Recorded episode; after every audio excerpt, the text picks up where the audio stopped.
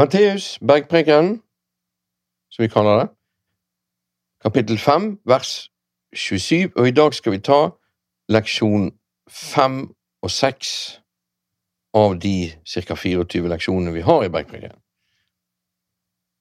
Jeg ber først, kjære far, jeg ber deg velsigne denne stunden, møt hver enkelt ved din ånd, da de får se dine ord i sine hjerter, i Jesu navn.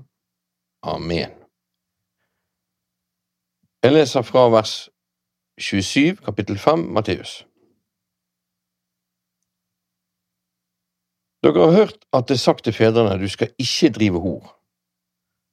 Men jeg sier dere, den som ser på en kvinne for å begjære henne, har allerede drevet hor med henne i sitt hjerte. Hvis ditt høyre øye fører deg til fall, så riv det ut og kast det fra deg, for det ber for deg at ett av lemmene dine går tapt, enn at hele kroppen din blir kastet i helvete.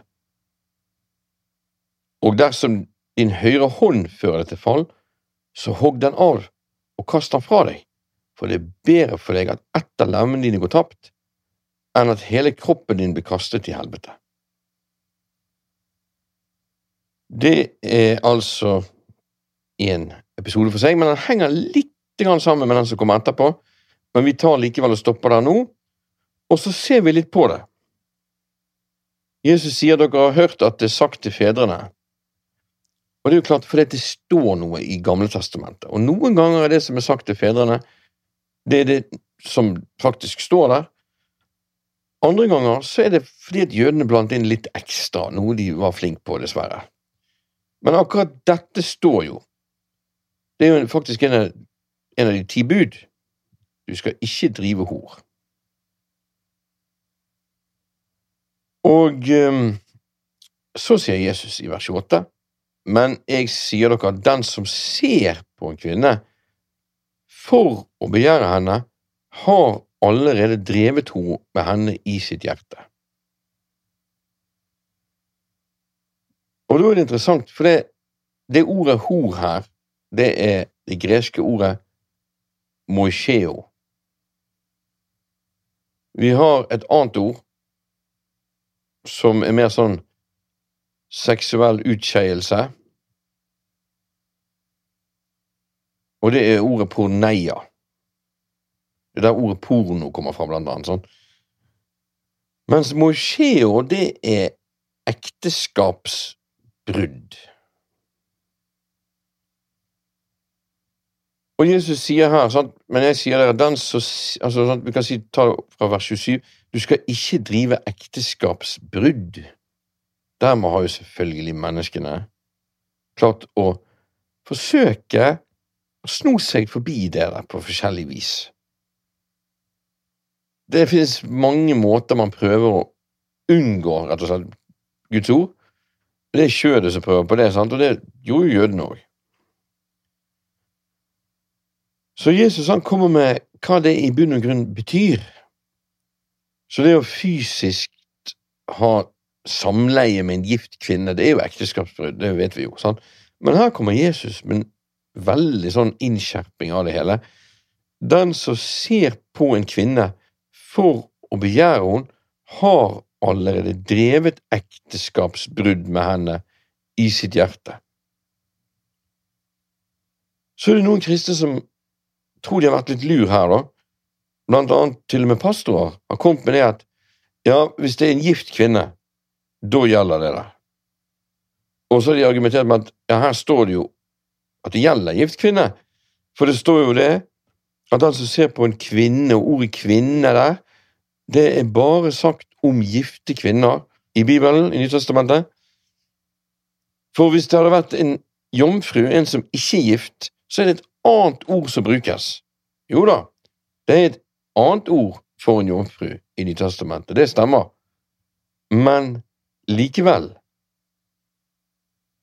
For det første, denne Maria som eh, syv ånder var drevet ut av, Magdalena, sant? Hun var jo ikke gift, ser det ut som. Jeg tror jo at hun kanskje er samme som den som er søsteren til Martha og til Lasarus og om hun blir brukt samme ordet, sammen med kvinnen med brøden, Sant? Og den du har nå, er heller ikke din mann, sa Jesus. Du har hatt fem menn, og den du har nå, er heller ikke din mann. Ja, hadde hun egentlig en mann, da, eller var ingen av de hennes mann? Det vet ikke vi. Det vi vet, er at når hun møtte den syvende mannen, så endret alt seg, nemlig Jesus. Sant? Men greit nok. Men det ordet kvinne ble brukt generelt om de av hunnkjønn som var over en viss alder, ser det for meg ut som. Så det betyr at hvis du ser på et menneske som er hunnkjønn, med lyst, med begjær, så i Guds øyne er ikke det noe uskyldig du gjør fordi hun ikke er gift, liksom. Nei, det er faktisk ekteskapsbrudd, for hun er ment å skulle bli gift med all sannsynlighet, og du òg. Og det der er kanskje ikke konen din. Og til og med om det er konen din, vil det være ekteskapsbrudd, for du er ikke gift med henne enda likevel. Med andre ord, Jesus sier med andre ord at alvorlighetsgraden for å begjære en kvinne for en mann, og det gjelder jo da andre veien òg, selvfølgelig, det er ekteskapsbrudd. Han sier videre hvis ditt høyre øye fører deg til fall, riv det ut og kast det fra deg, for det er bedre for deg at ett av lemmene dine går tapt, enn at hele kroppen din blir kastet i helvete. Er vi enige i det? Ja, vi er enige at det er bedre. Det er bedre å komme til himmelen og mangle et øye enn å være i helvete med hele kroppen. Og neste, sant? Høyre hånd. Bedre å komme der uten den hånden enn at du er i himmelen, nei, helvete, og så har du hele kroppen intakt. Møter eller i himmelen, ja, du mangler jo en arm, liksom. Jeg tror ikke noen der oppe mangler en arm, da, for, for himmelen og himmelen. Men kanskje det er synlig at han på jorden mangler en arm på en eller annen måte. Ikke vet jeg, vi får jo oppstandelseslegeme. Vi vet jo det at Jesus sitt oppstandelseslegeme hadde merkene etter korsfestelsen. Gud ga han et legeme som faktisk vitner om korset. Og det var det nye oppstandelseslegeme. Først sa jo han rør ikke ved meg, for jeg har ennå ikke faret opp til Faderen og fått mitt oppstandelseslegeme. Sånn, det sa han til Maria når hun kom. Og seinere kunne de røre ved han. Blant annet Thomas kjenn på arrene sant, i hånden min og siden min. Stikk fingeren inn på siden der og kjenn. Og det var oppstandelseslegemet til Jesus. Og jeg tror ikke noen vil se ned på han hvis det skulle være noen da, som faktisk hogget hånden av seg, men er i himmelen. Men vent litt nå, dette er jo skremmende. Ja, og vi vet jo det at under vekkelsen i Norge ved Hans Nissen Hauge, så var det noen som gjorde dette, til og med. Og det er jo tragisk, kan vi si. Ja, jeg tror jo det at det er tragisk, at ikke det er nødvendig å gå til det skrittet. Ja, sier du imot Jesus da, Karsten?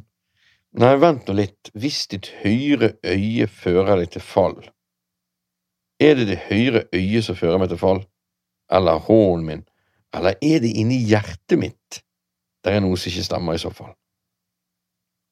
Så jeg vil jo gå til roten og forsøke der å slippe Gud til og omvende meg, slik at jeg slipper å hogge av noe som helst i det hele tatt. Men det forandrer likevel ikke det Jesus sier. Om så skulle være, liksom, bedre det, jo, greit nok, men vil en da få bukt med selve problemet? Altså, personen kan ikke gjøre det lenger fordi øyet mangler eller hånden mangler. Det betyr jo ikke det at personen i hjertet sitt har fått bukt med lysten til å gjøre det. Det betyr bare at han nå er hindret til å kunne utføre det. Samme som du putter noen i fengsel. En pedofil mann han er jo ikke ikke-pedofil av den grunn. Er det likevel da verdt det? Ja, selvfølgelig. Vi sparer jo samfunnet for den tragedien, sant? Ved at han da ikke har muligheten til å kunne gjøre det. Ja, men det er fordi vi tenker på barna, og hvis vi tenker på han, da Ja, det er på en måte det Jesus sier, det er bedre det, at du faktisk ikke gjør det, selv om du til og med har lyst til å gjøre det, så er det faktisk bedre at du ikke gjør det. Fordi det er en fysisk hindring til å kunne utføre det. Så viktig er det angående synden, og få den stoppet, forstår jeg. Og det er jo ekstremt drastisk det Jesus her sier. Absolutt. For går vi til verset over igjen, den som ser på en kvinne for å begjære henne, har allerede drevet ekteskapsbrudd med henne i sitt hjerte. Det betyr at porno er ekteskapsbrudd, da? Det må det jo bety, for der er det i hvert fall ikke snakk om jomfruer. Det betyr at vanlige spillefilmer, der det veldig ofte legges opp til at kvinnen som har hovedrollen eller andre skal begjæres, og du ser på det og gjør det, så driver du ekteskapsbrudd. Og hvis vi da ser på hva Paulus senere sier, at ekteskapsbrytere har ingen del i Guds rike, så er det gjerne ikke de stakkars skilte her og der som kristne har dømt, sant? Det er kanskje nettopp deg han mener istedenfor. Og hvis vi da leser neste igjen, sant? Videre er det sagt i vers 31 den som skiller seg fra sin kone, skal gi henne skilsmissebrev, men jeg sier dere at den som skiller seg fra sin kone av noen annen grunn enn hor, og der står det faktisk porneia, ikke moskeo, er årsak til at hun bryter ekteskapet. Og den som gifter seg med en kvinne som er skilt, bryter ekteskapet. Men videre er det sagt den som skiller seg fra sin kone, skal gi henne skilsmissebrev. Hvor står det henne? Da må vi nesten slå det opp. Jeg pleier alltid å gå til de stedene som Nytestamentet henviser til, for å få sammenhengen. Jeg må slå det opp her. Skal vi se Det står i Femte Mosebok, kapittel 24. Der står det om disse tingene. Vers 1. Hvis en mann tar seg en kone og gifter seg med henne, og det skjer at hun ikke lenger finner velvilje i hans øyne, fordi han har funnet noe uanstendig hos henne, da skal han skrive et skilsmissebrev til henne, gi det i hånden hennes og sende henne bort fra huset sitt. Hvis hun da etter å ha forlatt huset hans går bort og blir en annen manns kone, og denne andre ektemannen avskyr hun og skriver et skilsmissebrev til hun, han òg, og gir det i hånden så sender henne bort fra huset sitt, eller om denne andre ektemannen som tok henne til kone, dør, da får ikke den første ektemannen som skilte seg fra henne, ta henne tilbake som sin kone etter at hun blir gjort uren, for det er en stygdom for Herren, for Hans ansikt, og du skal ikke føre synd over det landet Herren i Gud gir deg som arv. Ok. Dette er faktisk motsatt i Koranen, for der kan man gå tilbake igjen, liksom. Mens her, i Gammeltestamentet, i Moseloven, er det en styggedom. Men det var uansett ikke poenget nå. Poenget nå er det at han kan gi henne et skilsmisse hvis han finner noe uanstendig hos henne. Altså med andre ord, hva det enn måtte være, han bare ikke liker henne. Det skilsmissebrevet er kanskje litt dårlig oversatt, for det, det er på en måte et frasendelsesbrev. Vi kan si et separasjonsbrev. Jeg har sendt henne fra meg. Lykke til, den som vil ha henne. Et eller annet sånt. Han trenger ikke engang oppgi grunnen. Og vi vet jo hvorfor dette kunne skje, for dette ble jo Jesus konfrontert med et annet sted i evangeliet, og han svarer da dette fordi dere hadde så harde hjerter, var det at Moses tillot dette. Men fra begynnelsen av var det ikke slik. Når da skilsmisseraten blant kristne er samme som verden ellers, det betyr at har vi da like harde hjerter som de i Gammeltestamentet i ørkenen hadde? Det er litt skremmende å tenke på. For vi vet at vi lever i en ny og bedre pakt, og vi vet at de kommer jo ikke inn i landet. Så når kristne driver og skiller seg av alt mulig forskjellige grunner, så er det et stort problem, faktisk, og vitner om like harde hjerter som de hadde i Gamle testamentet. Og er du der etter du er frelst, da har du et problem, et stort et. Da må du begynne å søke Gud av hele ditt hjerte til du finner han, for du lever for langt ifra han uten tvil. Ja, men det er jo forskjellig. Ja, det er det, jeg kan ikke dømme alle som er skilt, umulig. Ønsker ikke det heller. Men jeg ser bare én grunn til at noen kan skille seg i Nytestamentet, og det er at den andre personen driver med seksuell utskeielse. Jeg er til og med der at jeg tror ikke på drev med. Altså, er du gift og din ektefelle bekjenner og har falt seksuelt med noen andre Ja, med alle andre ting med Jesus er jo det snakk om å tilgi. Så jeg vil nå prøve på det uansett. Tenk at dette er skjød. Tenk at min kone gikk feil. Nå er jeg ikke gift, men visst at jeg var i den situasjonen Gått i meg sjøl og tenkt at jeg har gjort en dårlig jobb som ektemann, så jeg ikke har tatt vare på henne. For jeg er jo egentlig mannen som skal elske henne liksom Kristus elsket menigheten og ga seg sjøl for den, som betyr ubetinget. Og jeg skal også rense henne ved vannbadet i ordet. Og ordet der er ikke logos. Ordet der i Efeserbrevet kapittel 6 er rema. Det betyr at jeg som mann, som er familiens hode, jeg må selv ha mitt hode på plass. For mitt hode, det er Kristus. Og vi ser jo i Gammeltestamentet, sant, skapelsen, Edens hage, Adam, hvor er du? Det var ikke Adam og Eva, hvor er dere? Og det tror jeg fordi mannen har et ekstra ansvar om å være tett på Gud, fange opp hva Gud sier, og også vannbade i rema, si de rette ord, dele de åndelige viktige tingene til hustruen sin. Det betyr at han ber for henne, han får ord til henne, og det leder til ånden, for det er da det er rema. Da er det ord der og da, tiltale der og da, han deler fra der og der til hun, og han sier også 'jeg tror Gud sier til deg sånn og sånn'. Han profeterer over henne.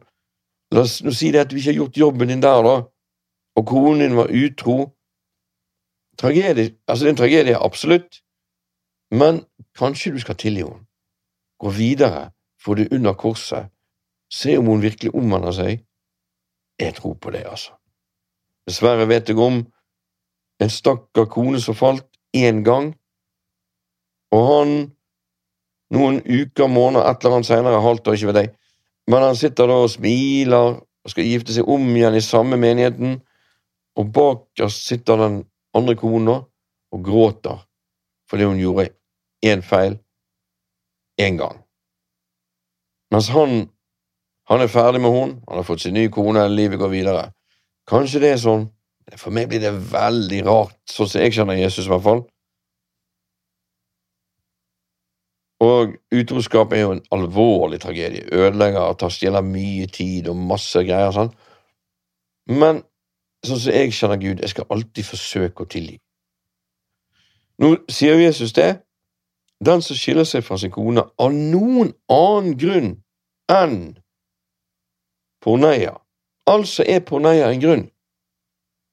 Men det må jo være at hun nekter å vende om, at hun lever utsvevende, og hun nekter å stoppe med det. Uansett, hvis du finner en annen grunn Ja, hun var så kranglete. Hun begynte å drikke, det var alkohol. Er ikke alkohol en grunn? Jo, i samfunnet er det, men jeg ser ikke at Jesus nevner det. Ja, men Det var ikke så mye alkoholproblemer på den tiden. Jesus snakket ikke for den tiden. Han er den samme i går, i dag og til evig tid. Han visste det at det er langt flere som leser disse ordene i dag. Millioner flere enn hva det var den gangen han sa de. Og han sa jo sjøl evangeliet deles rundt om i hele verden, så han visste det.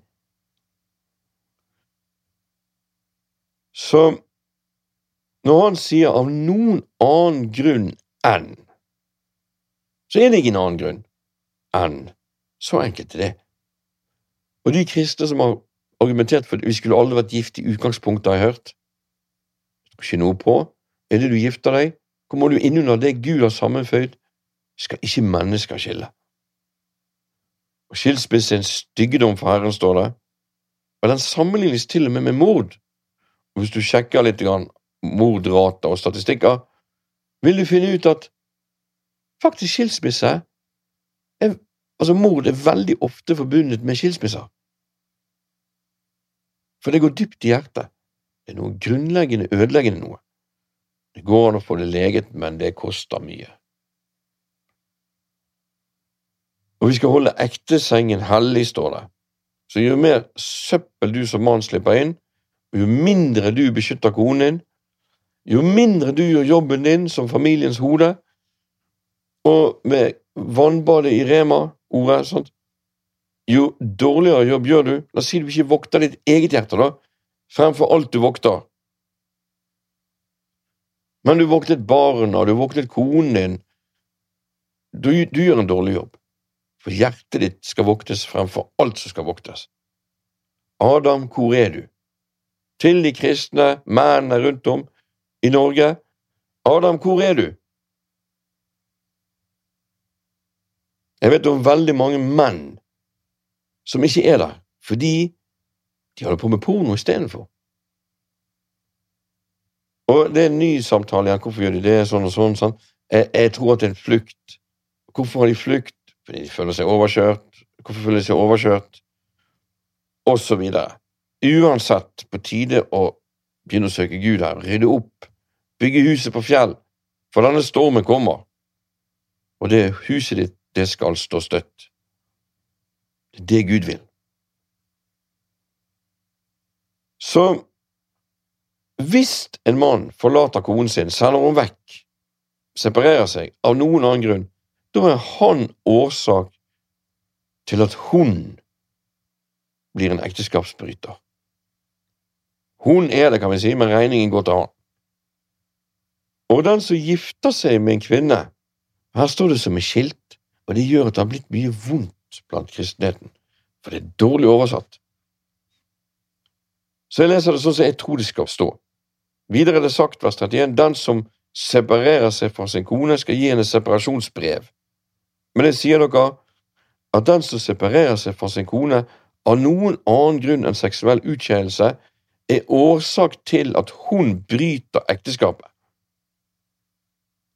Og den som gifter seg med en kvinne som er fraseparert, bryter ekteskapet. Når det da står òg den som gifter seg med en kvinne som er fraseparert, det betyr en mann har sendt henne fra seg. Ja, men han gjorde det på grunn av porneia, altså seksuell utskeielse. Ja, da er det jo faktisk et ekteskapsbrudd til stede der. Gifter du deg med hun, så bryter du ekteskapet. Men la oss si at hun har fått frasendelsesbrev, da, som det står over her, at det er en annen grunn enn seksuell utskeielse. Vil da den som gifter seg med hun, bryte ekteskapet? Det tror ikke jeg. Fordi hun er ikke noe ekteskap lenger. Det har vært et ekteskapsbrudd der, et paktsbrudd. Mannen brøt det, han som var ment å skulle være hennes beskyttelse, når han sendte hun fra seg. Det er riktignok hun som da blir tvunget til å flytte ut, og bryter det, kan vi si, men det er den tidligere mannen som har skylden. Møter du en sånn kvinne, er du fri til å gifte deg med henne, tror jeg. For hun er ikke fraseparert lenger, for hun er ikke gift lenger, fordi pakten er brutt. Ja, men greit, la oss si hun levde utsvevende, da, og så har mannen sendt henne fra seg, og så møter du henne. Du kan ikke gifte deg med henne.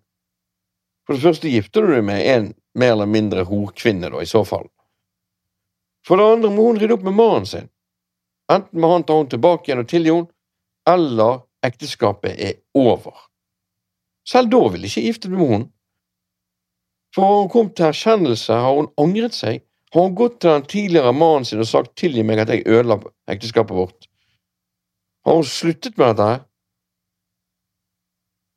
Jeg tror det har vært mye feil her, for folk har puttet inn ordet skille seg der det skal stå separert.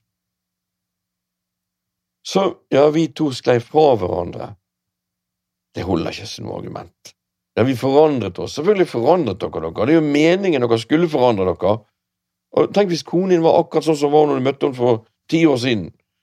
Nei, det vil være en utvikling, og det er ment at dere begge skal ha det, og det skulle være spennende å finne ut mer og mer av den andre personen underveis. Så jeg møter en kvinne, og hun er separert, og det, hun gikk fordi hun følte ikke det gikk. Han var, han var vanskelig, han var oppfarende, kanskje han var voldelig. Ja, jeg vil si til henne, du, det står jo det i første Korinterbrev at du skal ikke gå fra mannen din, men har du likevel gjort det?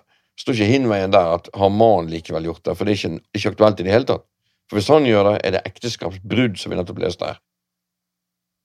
Men du kvinne, jeg beklager, dette var leit å høre, og jeg forstår at du flyttet ut, jeg tror også derfor første Korinterbrev kapittel syv har en åpning for akkurat det, for noen menn er bare umulig å leve med, men da må du be for ham.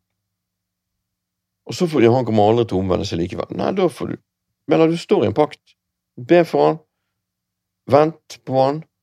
Kanskje han vil ha det tilbake så han hører på deg. Kanskje han er åpen for å gå til rådgivning. Men du kan ikke gifte deg om igjen, for du står i pakt med den mannen. Og Jesus visste vel om voldelige, gale menn på den tiden der òg, vel?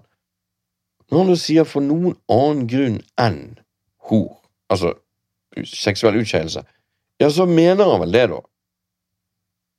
Hva hvis mannen driver seksuell utskeielse, da? Jeg tror at hun er fri da, til å si takk for seg. Tror det, den tror jeg går begge veier.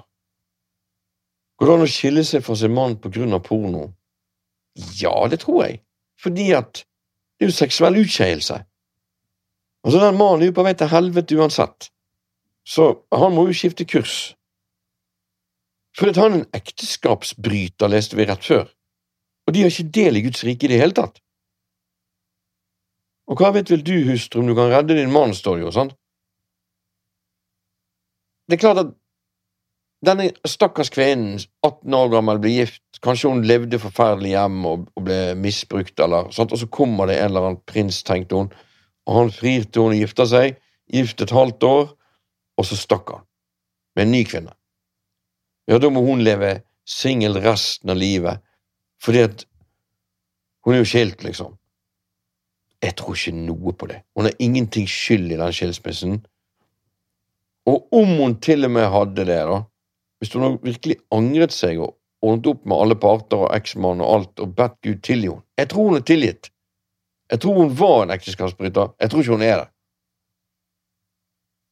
Paulus sier at de yngre enkene skal gå og gifte seg igjen, sier han, så ikke de driver rundt og farer rundt med lediggang og, og fare rundt i husene med sladder videre, men heller kan gjøre noe nyttig, sant? Og det, de yngre enker under 62, mener jeg å huske, hva da med de yngre kvinner som uheldigvis har blitt skilt? De kan bare gå singel til de gang? Jeg tror ikke noe på det, altså. Jeg, jeg husker jeg var veldig i stuss på dette her, studerte det, for på alle ting mente jeg at jeg så Guds kjærlighet, bortsett fra når det kom til dette. Så studerte jeg Matteus, her vi leser nå, og så står det noe mer seinere i Matteus, og det står noe i Lukas og noe i Markus. Jeg sammenlignet de, jeg gikk inn i gresken, og jeg fant, og det var nåde i det, og jeg så Guds godhet igjen, og jeg så hvor mye vi kristne har bommet rundt dette her, ved å dømme helt feile steder, og helt feile sammenhenger, ja, du kan gifte deg veldig ofte med en kvinne som er skilt. Faktisk kan du det. Jeg fant ut at det er den største pinsebevegelsen i USA hadde gjort, Assemblies of God. Den måten de praktiserte det på, uten at de grunnla nøyaktig hvorfor. Men jeg tenkte det må være noe sunnhet i hva de der står for. Faktisk ganske make til det jeg fant sjøl. Altså, er det en mann som skilte seg for han likte ikke konen sin, og han giftet seg om igjen, han må gå til Gud og be om tilgivelse. Han må gå tilbake til hun forrige og si du tilgir meg. Han må ikke gå tilbake til den forrige. Altså si det at dette var 15 år siden. da. Han startet ny familie, har fått fire unger, og hun har startet ny og fått fem unger. Og så finner de ut at dette var feil. Ja, da skal han forlate den konen han nå har vært gift med i 15 år etterpå, og så skal han gå tilbake Nei, det tror jeg ingenting på. For at paktene er brutt. Ja, da, da, da er jo de skilt. Nei, de er ikke skilt, for det, det der feil ligger. For at i teksten her står det skilt, dessverre. Dermed blir det misforstått hele greien. For det er kun to muligheter, egentlig. Det ene er frasendt, type separert. Det andre er ekteskapsbrudd. Du kan ikke være frasendt etter det har funnet ekteskaps... Altså etter ekteskapsbruddet har funnet sted. Hvem er du frasendt da, da? Pakten er jo brutt. Så hvis vi går til Romerne kapittel 7, leser derfra, altså ikke Korinterne nå, men Romerne Vers 1. Eller vet ikke dere, søsken, jeg taler jo til de som kjenner loven, at loven har herredømme over et menneske den tiden det lever.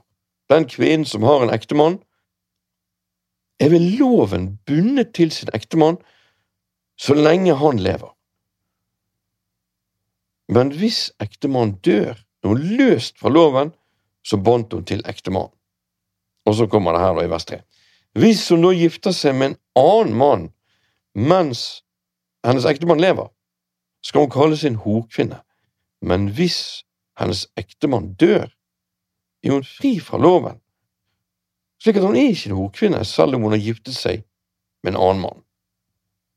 Vers 3. Hvis hun da gifter seg med en annen mann mens hennes ektemann lever. Men det forutsetter jo at han er fremdeles er ektemann, og det er han ikke hvis den pakten er brutt. Altså, du kan ikke kalle henne en horkvinne fordi at den mannen som hun tidligere hadde pakt med, der han brøt den pakten. For da er ikke han hennes ekte mann lenger. Men hvis de er separert, uavklart, kan vi si, ja, da er han fremdeles hennes ektemann. Ja, hvis det var hun som var årsaken til det, og hun brøt det, ja, da var jo hun brøt det, da. Da er hun en ekteskapsbryter, da. Men hvis hun ser det, angrer seg, og ber mannen, eksmannen blir det da, tilgi hun at hun ødela hele pakten, hun virkelig angrer hjertet sitt, og det, det merker hun. Enten er det der at hun angrer, og Jesus møter henne på det, og hun er fri, for han tilgir henne. Ja, da er det bare å gifte seg og skille seg i vei, da. Ja, lykke til hvis du tenker sånn.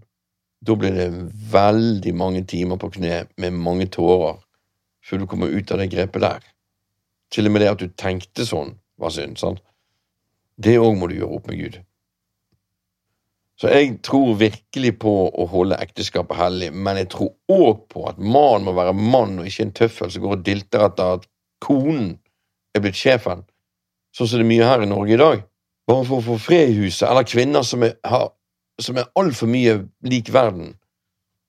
Og Jesabel har smittet seg inn, så hun styrer med kjeftingen sin og det ene med det andre manipulasjon. Jeg tror ikke noe på det der i det hele tatt. Jeg tror på at om man ikke bruker nok tid med Gud, så blir det sånn som det er i dag. Harde hjerter, like mye skilsmisse blant oss som de i Gammeltestamentet, like mye som verden ellers. Ingen forskjell. Det er skremmende. Men nok om det. Det er klart at vi må ha omvendelse og vekkelse, men dit kommer vi faktisk aldri uten at vi bygger huset på fjell. Vi må bygge huset på fjell. Vi har ingen annen mulighet enn å ta Jesus sine ord på alvor, nå mens vi ennå har tid, som det står. Søk Herren mens han er å finne. Kall på han den stund han er nær. Det er nå, det. Og igjen, altså Mange får sjokk på dommens dag når de skjønner at ekteskapsbrytere det var de som drev og så litt porno, det, eller filmer og begjærte filmskuespillerinnen, eller så på kollegaen sin, eller så på damer når de gikk i byen, for eksempel. Eller motsatt vei, damene så på. Det er nødvendigvis ikke de du har trodd, kanskje, som er skilt og havnet ulykkelig ut i livet, og som har angret seg og gjort opp med Gud for lengst. Uansett, ekteskapsbrytere har ingen del i Guds rike. Jeg leser det forfra, og da leser jeg begge to, altså det vi kaller leksjon fem og seks. Matteus kapittel 5, altså, vers 27. Dere har hørt at det er sagt til fedrene du skal ikke drive ekteskapsbrudd. Du skal ikke gjøre ekteskapsbrudd eller drive. Men jeg sier dere, den som ser på en kvinne for å begjære henne, har allerede drevet ekteskapsbrudd med henne i hjertet sitt. Hvis ditt høyre øye fører deg til fall, så riv det ut og kast det fra deg, for det er bedre for deg at ett av lemmene dine går tapt, enn at hele kroppen din blir kastet i helvete. Og dersom din høyre hånd fører deg til fall, så hogg den av deg, og kast den fra deg, for det er bedre for deg at ett av lemmene dine går tapt, enn at hele kroppen din blir kastet i helvete. Videre er det sagt, den som separerer seg fra sin kone, skal gi henne et separasjonsbrev. Men jeg sier dere at den som separerer seg fra sin kone av noen annen grunn enn seksuell utskeielse, er årsak til at hun bryter ekteskapet. Og den som gifter seg med en kvinne som er separert, bryter ekteskapet. Altså, Bibelen har to ting der. Den har uavklart også kalt separert, og den har ekteskapsbrudd. Og ordet skilt tar det helt vekk. Jeg er skilt. Nei, det er du ikke. For det er ikke noe, det er ikke noe ektepakt lenger, for det er brutt. Du kan si jeg er en som har et brutt ektepakt bak meg, det kan du si. Men den tredelingen vi har, og puttet, du har puttet inn en tredeling i Bibelen, en som heter separasjon, en som heter skilt, og en som heter ekteskap Nei, det er todelt. Uavklart og i så fall da tragisk nok avklart, som betyr paktsbrudd. Skilsmissepaktsbrudd. Det andre vil si dette med helvete. Komme i helvete. Og vi har jo det her med hvordan kan Gud være så ond? Men her på jorden er det ondt og godt, sant? Det er nåde. Helvete er ikke noe annet enn at der er ikke Gud mer, han har trukket seg tilbake. Og valgte noen hele livet sitt, som var deres tildelte såkalte evigheter, uten Gud, ja, så får de evigheten òg uten Gud, også kalt helvete. Men som Bibelen sier, Gud vil ikke at noen skal havne der. I så fall må de velge det sjøl. Så det å ikke ta imot Jesus, ikke vende om, det vet vi jo. Ingen kommer til Faderen uten gjennom meg, sa Jesus.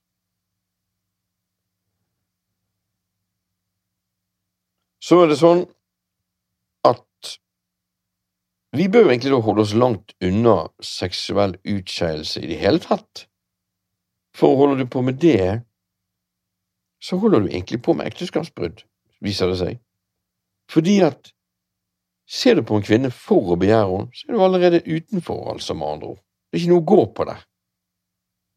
Mange har tenkt at jo, men David gikk feil, og det gikk jo bra, så det er jo noe å gå på. Og da syns jeg du skal lese litt mer om David, for det, kostet han hele resten av hans liv, og det kostet barna hans, dies, mye i deres liv. og Det kostet slekten hans etter han i generasjon etter generasjon etter generasjon, helt til Jesus kom. En ekstrem pris. Men var ikke han tilgitt, da? Jo, han var tilgitt. Men noen ganger blir du tilgitt, og det har ingen kostnad. Andre ganger blir du tilgitt, men det får alvorlig kostnad og konsekvens. så er det sånn at det står her Skal vi se Du som mann, enten tar du ansvar med Gud, eller, hvis det går galt, så kan du være årsak til at ekteskapet går, går dårlig. sant? Jeg er sikker på det er umulig å leve tatt på Jesus, og så er du som mann årsak til ekteskapsbrudd. Jeg tror ikke det går an.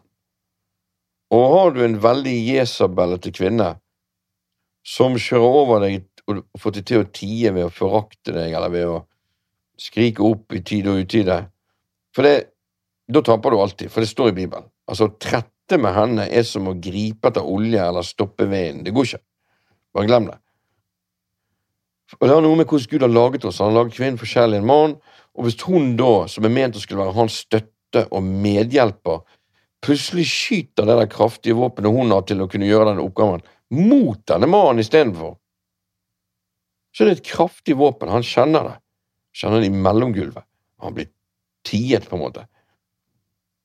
Og en mann som da ikke er fri Altså, Mange menn har jo vært tullete og brautete og idiotiske og ti tommeltotter og ikke sånn.